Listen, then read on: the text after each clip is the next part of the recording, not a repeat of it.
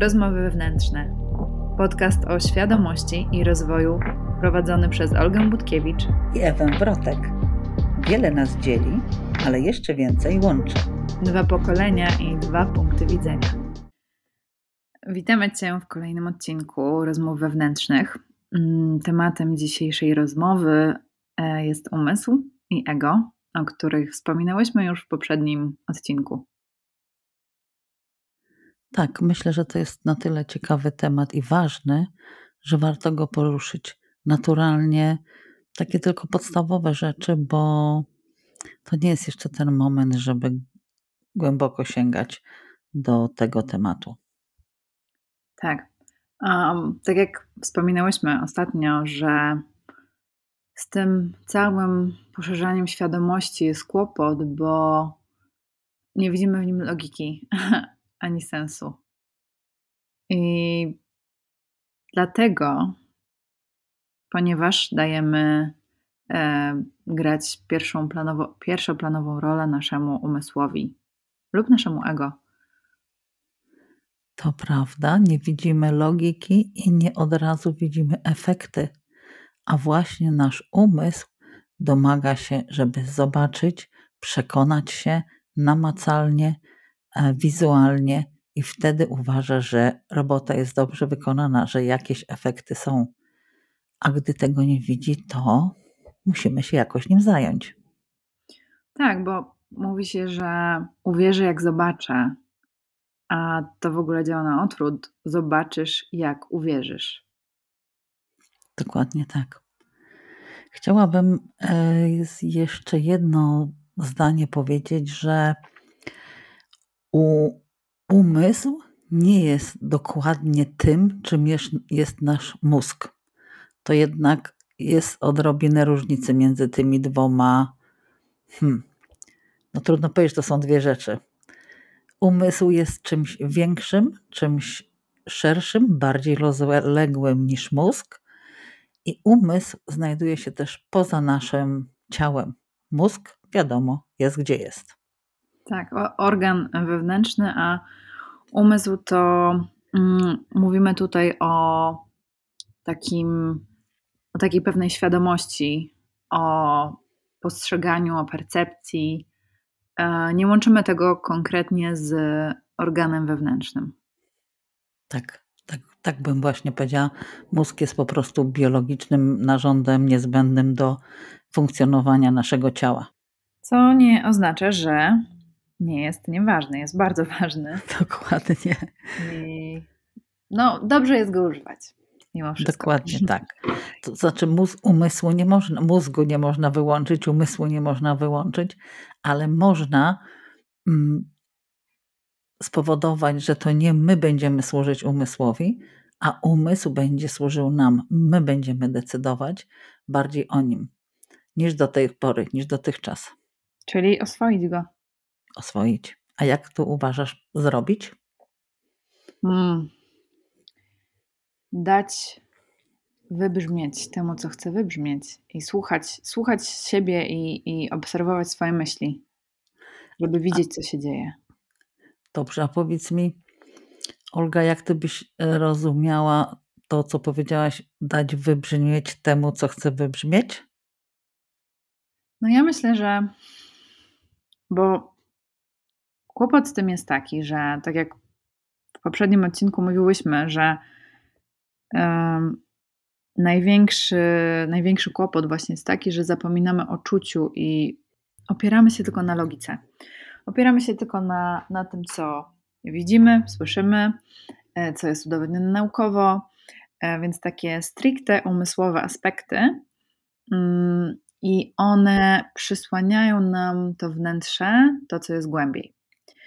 I o czym, o czym to jest, tak, żeby dać temu wybrzmieć? Chodzi mi o to, że czasem trzeba po prostu usiąść w ciszy i rzeczywiście dać temu umysłowi pogadać i zobaczyć, spojrzeć na to bez emocji, bo, bo też trzeba przypomnieć albo powiedzieć, że to, że pojawiają się w naszym mm, mózgu, w naszym umyśle myśli, to wcale nie oznacza, że one są już zabarwione emocjami. To my im nadajemy te emocje, prawda? Bo to, to my nadajemy im znaczenie. Tak jak sytuacje w życiu się dzieją i my możemy je uznać za, nie wiem, pomocne, niefajne, nieprzyjemne, dobre, złe, tak, do, do tego też na pewno jeszcze dojdziemy. Tak, bo te Ale... myśl, same myśli, że ci wejdę w słowo, same myśli są neutralne. neutralne. One po prostu są. I to od tak. naszego doświadczenia zależy, jakie zabarwienie im nadajemy. Dokładnie. I mm, dlatego czasem trzeba zrobić krok do tyłu i dać właśnie wybrzmieć temu, co się dzieje w głowie, tak, żeby obejrzeć, co tam się przewija, jaki film dzisiaj sobie e, puszczamy i czemu nadajemy emocje i zabarwienie. Bo niestety umysł potrafi nam płatać figle. Nie, większość myśli nie jest w ogóle prawdziwa. Obiektywnie jakby nie ma odzwierciedlenia w rzeczywistości, mimo to pojawiają się w naszej głowie. Zwłaszcza te, te negatywne myśli. Tak. To umysł nas, nas pięknie oszukuje, a jest mistrzem w oszustwie. No jakoś, jakoś musi być e, u władzy. Nie dzieje się to bez manipulacji. Ale tak, no, kto, kto nie jest, um, kto nigdy nie padł ofiarą swoich własnych myśli pod tytułem jestem beznadziejna, hm, nie nadaje się do niczego, nic mi nie wychodzi i tak dalej, i tak dalej. A to przecież nie są prawdy najprawdziwsze, że tak powiem, tylko to są jakieś takie wyrywki odnośnie na przykład jednej konkretnej sytuacji, które nie znajdują odzwierciedlenia w większym obrazku.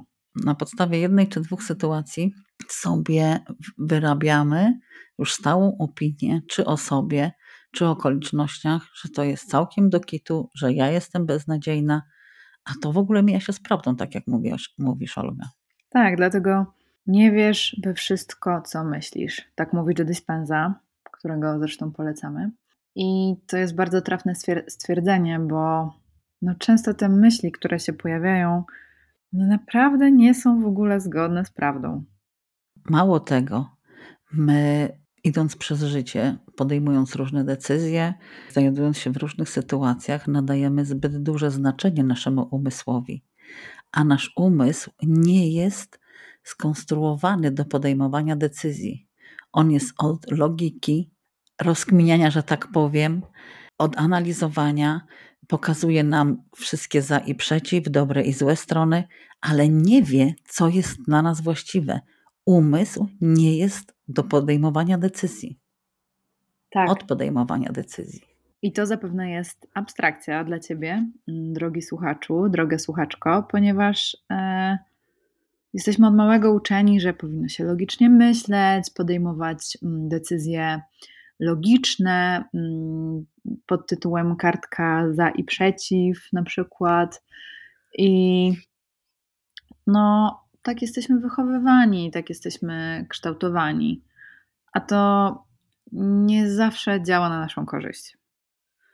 Dlatego mm, najlepszym wyjściem sytuacji przy podejmowaniu decyzji czy zachowania w różnych sytuacjach jest połączenie umysłu i serca, właśnie w takiej kolejności.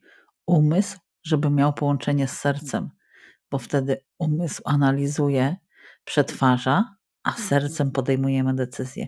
I taka współpraca to jest ideał, który naprawdę można osiągnąć. Tak, i to nie jest wbrew pozorom takie trudne do osiągnięcia, tylko właśnie no, wymaga, mm, wymaga powrotu do, do czucia po prostu. Ale ja nigdy nie zapomnę jednej sceny z serialu Seks w Wielkim Mieście. Ja nigdy nie byłam fanką, e, nie oglądałam tego tak naprawdę od deski do deski, ale utknęła mi w pamięci jedna scena, w której mm, Miranda była w dosyć nieprzyjemnej sytuacji z własnym mężem i nie mogli się dogadać. Mm, nie mogli się dogadać i chodzili na terapię. No i w końcu doszli do punktu kulminacyjnego, gdzie stwierdzili, że ok, jeżeli chcemy być razem, to tego dnia i o tej godzinie spotykamy się w połowie mostu bruklińskiego, z tego co pamiętam. No i Miranda kminiła, kminiła, zrobiła listę za i przeciw, siedziała nad tym kilka dni. I dopiero w dniu, w którym miało się to spotkanie lub niespotkanie wydarzyć, siedząc i patrząc na tą listę, piła kawę. I gdy już stwierdziła, że wychodzi z kawiarni, odstawiła, czy tam z domu, odstawiła kubek i spojrzała w lustro, e, które wisiało obok. I spojrzała na siebie w tym lustrze i zobaczyła, że ma wąsy od pianki z mleka.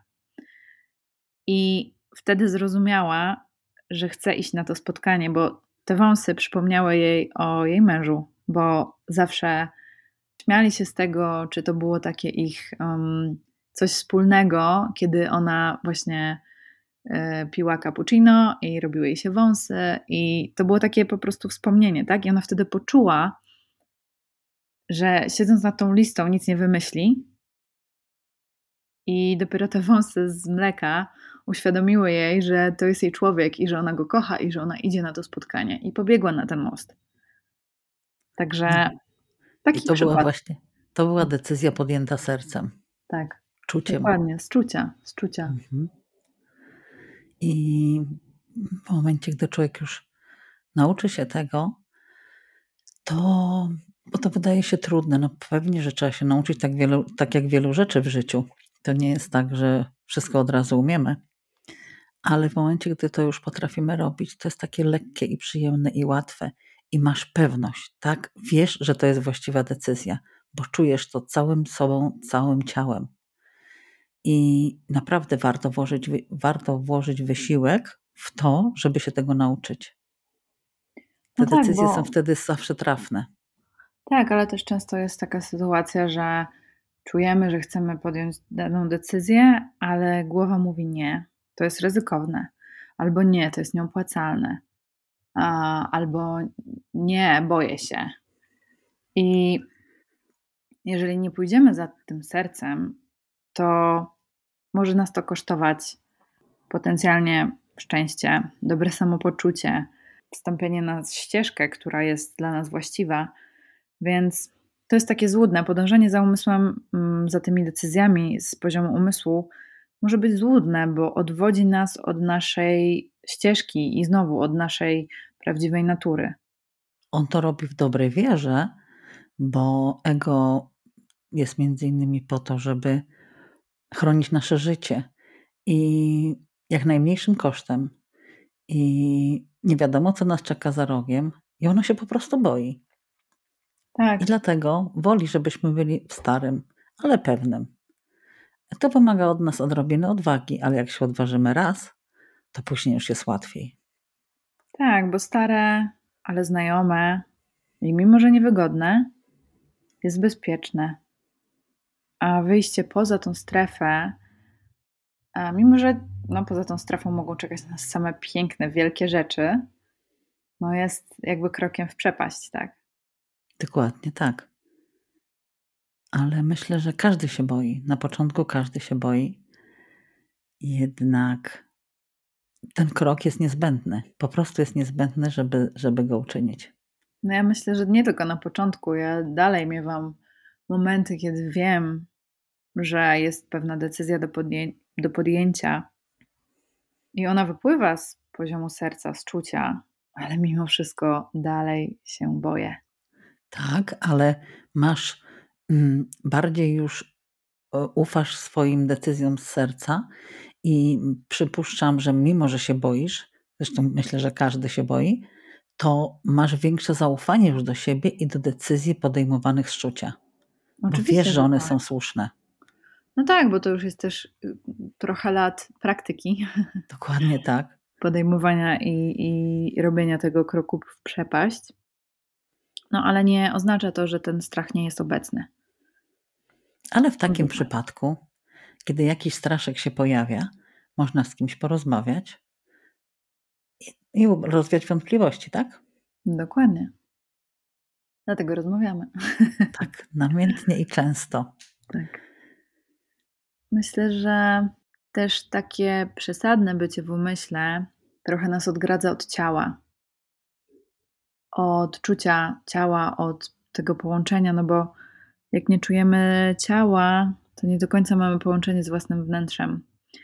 I Ewa, ty chyba jesteś odpowiednią osobą, żeby się o tym wyrażać, bo zawsze byłaś tak bardzo mocno stąpającą po ziemi osobą, racjonalną, kierującą się logiką i umysłem. Tak, dokładnie taką osobą byłam.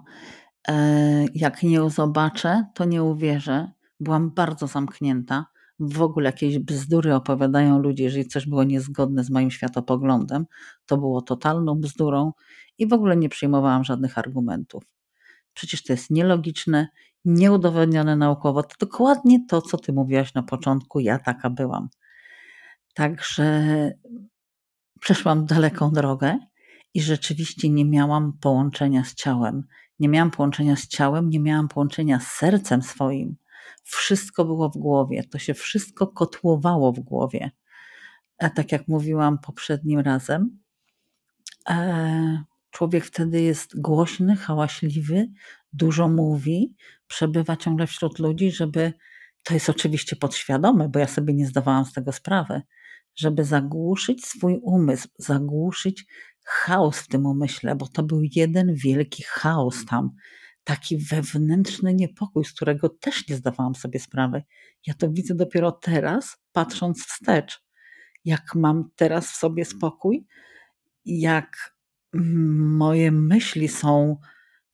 To nie jest tak w sensie, że pod kontrolą, ale ja zdaję sobie sprawę ze swoich myśli, bo jestem obecna na bieżąco i mhm. jeżeli jakaś myśl się trafi niewłaściwa, no mam różne sposoby, na przykład e, jak się chcę szybko jej pozbyć, bo nie wszystkie myśli trzeba dać im wybrzmieć. Są niektóre takie, których chcę się od razu pozbyć. Wtedy sobie wyobrażam, że ją gumką, myszką wymazuję, albo tym przyciskiem, jak on się nazywa w komputerze. Delete. Właśnie, tym usuwam tą myśl czy to słowo i to jest, to jest kolosalna różnica. Tak, doszłam do tego um, przez dosyć długą um, pracę, ale zaczęłam od zmiany myślenia. Mhm. Totalnego myślenia. Zaczęłam myśleć dokładnie odwrotnie, niż byłam uczona przez całe życie. To był jeden z pierwszych kroków. No, a przede mhm. wszystkim zaufałam swoim nauczycielom, bo ja naprawdę nie rozumiałam, co oni do mnie mówią ale hmm. zaufałam, bo czułam gdzieś w środku, mimo tego zamknięcia, oddzielenia od serca, od e, swojej intuicji, od ciała, gdzieś jednak tam czułam mimo wszystko, że to jest dla mnie. Mhm. Ja myślę, że też dobrym, dobrą praktyką jest poddawanie wszystkiego w wątpliwość. A takie, no wiecie, wpada myśl, która na przykład stawia nas złym, w złym świetle i mówi, że no dobra, jakby jesteś beznadziejna, do niczego się nie nadajesz. No i tutaj można postawić sobie pytanie, czy aby na pewno, czy to jest ta jedyna prawda? Bo okej, okay, może ta sytuacja, albo nie wiem, ta, to przedsięwzięcie mi nie wyszło, no ale czy to oznacza, że całe życie nic mi się nie udaje? Czy to oznacza, że ja naprawdę do niczego się nie nadaję?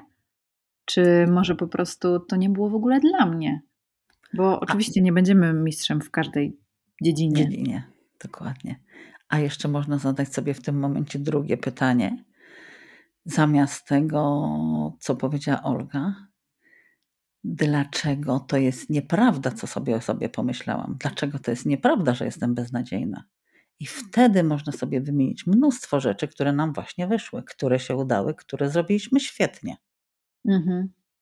Też umysł ma tendencję do zapamiętywania tych złych momenty, momentów, tych złych zdań, tych złych myśli, a te dobre jakoś przechodzą bez echa, bo myślę, że to też jest uwarunkowanie kulturowe, że nie jesteśmy nauczeni, aby celebrować małe zwycięstwa, małe sukcesy, tylko dostajemy zjebę za każde niepowodzenie i potknięcie. Tak jak w Polsce na przykład, w Polsce y, w szkole zrobisz błąd, na kartkówce, to co się dzieje?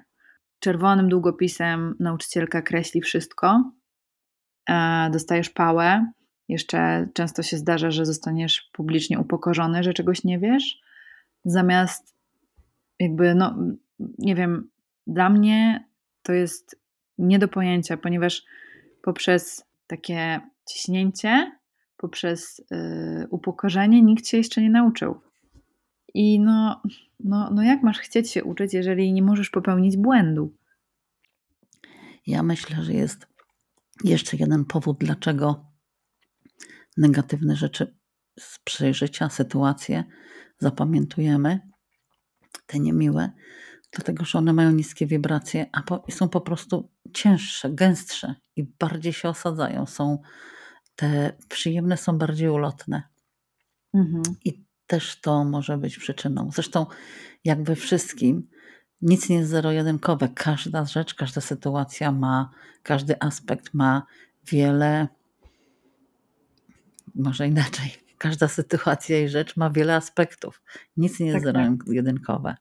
No nie jest, nie jest. Mm, znowu, i to jest tak jak z myślami, to my, to my temu nadajemy znaczenie, więc może wydarzyć się coś, um, co wydaje nam się dramatyczne i złe, ale tak naprawdę to wydarzyło się po to, aby pokazać nam coś, albo aby odwieść nas od jeszcze czegoś innego, teoretycznie gorszego.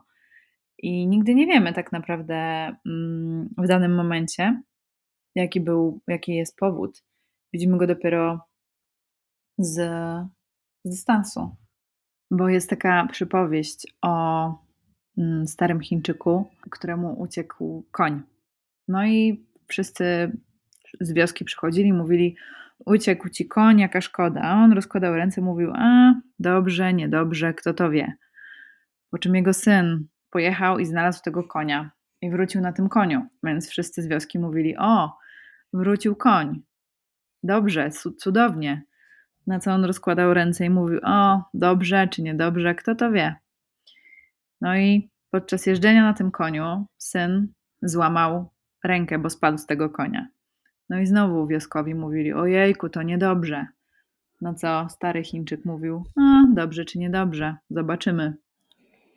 Po czym przyszło wojsko i powołało wszystkich młodych męż, mężczyzn z, z wioski na służbę, oprócz syna, który miał złamaną rękę, czy tam nogę, nie pamiętam. I wtedy wszyscy mówili: O, dobrze, nie powołali go. No, dobrze czy niedobrze, to się okaże. Także wszystko widzimy z perspektywy. Z perspektywy na podstawie wcześniejszych doświadczeń. Tak. Ale z doświadczenia już wiemy i z różnych przekazów, że nie ma sytuacji, która by w ogólnym rozrachunku nie wyszła na dobre. Każde wydarzenie w życiu, nawet tragiczne, w ogólnym rozrachunku okazuje się, że było nam potrzebne. No tak, a wydaje mi się, że jesteś tutaj osobą upoważnioną do wypowiadania takich y, y, zdań, ponieważ y, tutaj możemy nawiązać do śmierci Twojego męża, tak? Tak, to była, mm, no wiadomo, tragedia. Ale jak patrzę na to z perspektywy czasu, gdyby mój mąż żył, to nie byłabym w tym miejscu, w którym jestem. Tak uważam, bo spotkałam się z opiniami, że nie wiadomo, ale ja to czuję, całą sobą czuję. I tak. nie, nie odwrócę tej sytuacji, nie zmienię tego. Więc po prostu wykorzystuję w najlepszy możliwy dla mnie sposób. No tak, ale to też a, nawet na ten moment nie można powiedzieć, czy dobrze, czy niedobrze, tak? Po prostu tak jest. Tak, tak. Nie, no ja nie twierdzę, że to dobrze, że się tak. stało, tylko że w ogólnym rozrachunku a, jestem w tym momencie w najlepszym miejscu swojego życia. I w tym momencie to jest dla mnie istotne. No tak, bo liczy się tu i teraz. Dokładnie. Właśnie bycie, u, uważność i bycie w tu i teraz pozwala mm, Wyciszyć umysł. Wyciszyć umysł, ale też um, mieć pod kontrolą myśli w pozytywnym tego słowa znaczeniu, że w momencie, gdy jest jakaś nie, nie negatywna, możemy ją zmienić na inną, na pozytywną, na przeciwną, bo umysł ma taką właściwość, że on nie potrafi myśleć równocześnie dwóch sprzecznych myśli. Tak.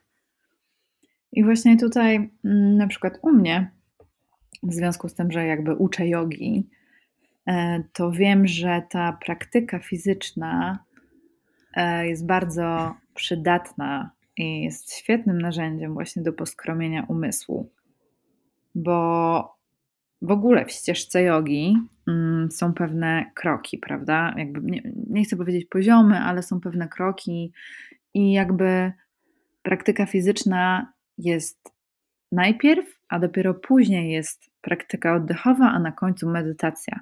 Ponieważ ta praktyka fizyczna po pierwsze przygotowuje nasze ciało do siedzenia w jednej pozycji, ale po drugie ona pomaga nam e, okiełznać ten pęd myśli. I my ćwicząc, praktykując, jesteśmy w tu i teraz. Skupiając się na ruchu, na oddechu, nie dopuszczamy tych myśli, które mm, gdzieś tam lubią okupować nasz, naszą przestrzeń. Ja zawsze, ja zawsze mówię, że postaraj się zostawić wszystko poza matą, listę zakupów czy plan na kolację i pobądź tu i teraz. Tak, to jest to. Innym sposobem na wyciszenie umysłu jest medytacja. Tak, ale jakby ja na przykład zdaję sobie sprawę, że niektórym może być po prostu ciężko usiąść i, i zamknąć oczy i przejść do medytacji, bo ten natłok myśli będzie za duży. I to niestety jest związane z tym, że mamy szybkie czasy e, i nasze systemy nerwowe są przestymulowane. Czasem potrzeba czegoś na początek, zanim usiądziemy do medytacji. Też, ale można też zastosować coś takiego jak jednominutowa medytacja. Owszem. Można zastosować medytację w ruchu, bo wiadomo, że na początku jest ciężko. Ja długo się przekonywałam do medytacji, bo ja jestem cholerykiem i mnie się było ciężko usiąść i wyciszyć. A poza tym ja miałam o medytacji pojęcie takie jak mnisi buddyjski cały dzień siedzą w pozycji kwiatu lotosu. No to absolutnie nie dla mnie było, tak? No tak. Ale właśnie zaczynałam od tej jednominutowej medytacji. To jest coś takiego, że robiąc cokolwiek, nawet zmywając naczynia, skupiasz się w 100% na tym, co robisz. Nawet najbardziej zaganiana osoba jest w stanie skupić się przez minutę. Dobrze, tak. jak za długo minutę, przez pół minuty, ale dokładnie na tym, co robi. Jak na przykład zmywa te naczynia, niech poczuje strukturę tego, czym myje, poczuje temperaturę wody, dotyk wody na skórze, e, te naczynia, dotyk tych naczyń, ich, ich e, powierzchnię. Każdy szczegół w 100% przez minutę skupić się na czynności, którą się wykonuje. I to są takie początki dobre do mhm. późniejszej takiej normalnej medytacji. Które mogą się w ogóle okazać jakieś takie mm, mistyczne wręcz, bo jak jesteśmy totalnie odłączeni i nagle skupimy się w 100% na tym myciu naczyń, to okazuje się, że wow, w ogóle całe życie może być medytacją, tak? Spacer może być medytacją, bo możemy być w tym, co robimy, zwracać uwagę na kroki, na temperaturę powietrza, na drzewa, na ptaki, na pogodę. A no po prostu uważność tego, co robimy w danym momencie, tak? Też dużo się mówi o uważności przy jedzeniu, żeby nie siedzieć na telefonie. No to są takie podstawy, które wszyscy znamy, ale z chęcią pomijamy, bo wydają się zbyt banalne, zbyt oczywiste. Wszyscy znamy, ale ilu z nas praktykuje? No właśnie, bo najtrudniej jest zacząć od, ładnych, od łatwych rzeczy. Dokładnie tak. To jest właśnie to. I można też skupić się na swoim ciele. W momencie, gdy się skupiamy na swoim ciele, um, nasz umysł, że tak powiem, głupieje, bo on tego nie rozumie, gdzie my jesteśmy jeżeli świadomością skupiamy się na swoim ciele, też on się wycisza. Kolejną rzeczą dobrą są, jest świadomy oddech. Mhm. Gdy oddychamy głęboko i spokojnie, umysł dostaje sygnał, że ciało, właściwie ciało dostaje sygnał, że jest wszystko w porządku i się wycisza i uspokaja. I to dotyczy i ciała, i umysłu, całości, tak? Tak, bo długi wydech, dwa razy dłuższy niż wdech, przełącza nam system nerwowy w przywspółczulny system nerwowy, który odpowiada za regenerację, za odpoczynek i właśnie oddech jest w ogóle niesamowitym narzędziem, no bo mamy go zawsze przy sobie i on jako, i to jest czynność, która jako jedyna może regulować nasz system nerwowy, w sensie, którą my możemy regulować. E, więc właśnie, tak jak mówisz, dłuższy wydech, przeponowy najlepiej, wysyła sygnał do mózgu i do systemu nerwowego, że jesteśmy bezpieczni, że jest ok, że można zwolnić. E, I to jest ten moment na praktyce, kiedy na początku medytacji, po kilku minutach ludziom zaczyna się przewracać w brzuchach. To słychać właśnie, bo, no bo ciało w końcu odpuszcza, a jak odpuszcza, to może i przystrawić, i odpocząć, i się zregenerować, i właśnie być w tu i teraz. Bo nie ma zagrożenia, tak? Nie ma, mm, nie musi walczyć o przetrwanie. Dokładnie tak. Ja to przetłumaczę dla osób się nieznających na jodze. Przeponowy oddech dla mnie to jest oddychanie aż do brzucha, po prostu głębokie. Tak, z wdechem brzuch się unosi, z wydechem wraca na miejsce. Tak. Bardzo prosta praktyka. 10-20 oddechów i człowiek jest zupełnie zrelaksowany. Tak, wyciszony. Ja myślę, że my któryś odcinek będziemy mogły cały poświęcić na temat praktyki świadomego oddechu, prawda? Oczywiście. Zrobimy ćwiczonkę. No właśnie. No. Ale to z czasem. Z czasem, z czasem. Nie wszystko Myślę. naraz. To też trzeba pamiętać, tak? Że nie wszystko naraz, krok po kroku. To na pewno będziemy o tym dużo mówić, bo, no bo człowiek współczesny chciałby wszystko naraz, nie ma cierpliwości, a niestety pewne rzeczy wymagają czasu. Albo stety, bo to też droga, tak? Ogólnie człowiek dzisiejszy, współczesny jest nauczony wziąć tabletkę i, tak. i uzyskać w ten sposób pomoc. No ale to nie. My proponujemy inną drogę, która wymaga włożenia wysiłku, uważności, czasu, ale daje dużo lepsze efekty niż tabletka. Dużo lepsze. I myślę, co? Czy coś jeszcze chcemy dodać? Myślę, że ja nie. Okej, okay. myślę, że mm, to tyle w tym temacie na dzisiaj. Na dzisiaj? Na dzisiaj. Bo przypuszczam, że będziemy wracać do niektórych tematów, bo to, bo to jest, każdy z tych tematów to jest temat rzeka, w związku z tym coś tam będziemy zawsze chciały jeszcze dołożyć. Oczywiście. Też może jeszcze dodam, że nasz umysł w pewnym sensie wie. On zawsze wie, tak jak nasze ciało wie. My wszystko wiemy. Tylko ten natłok myśli e, to po prostu spycha. Spycha, chowa i właśnie to zatrzymywanie myśli powoduje, że powoli, powoli dokopujemy się do tego wnętrza. No ale o tym to w innym odcinku.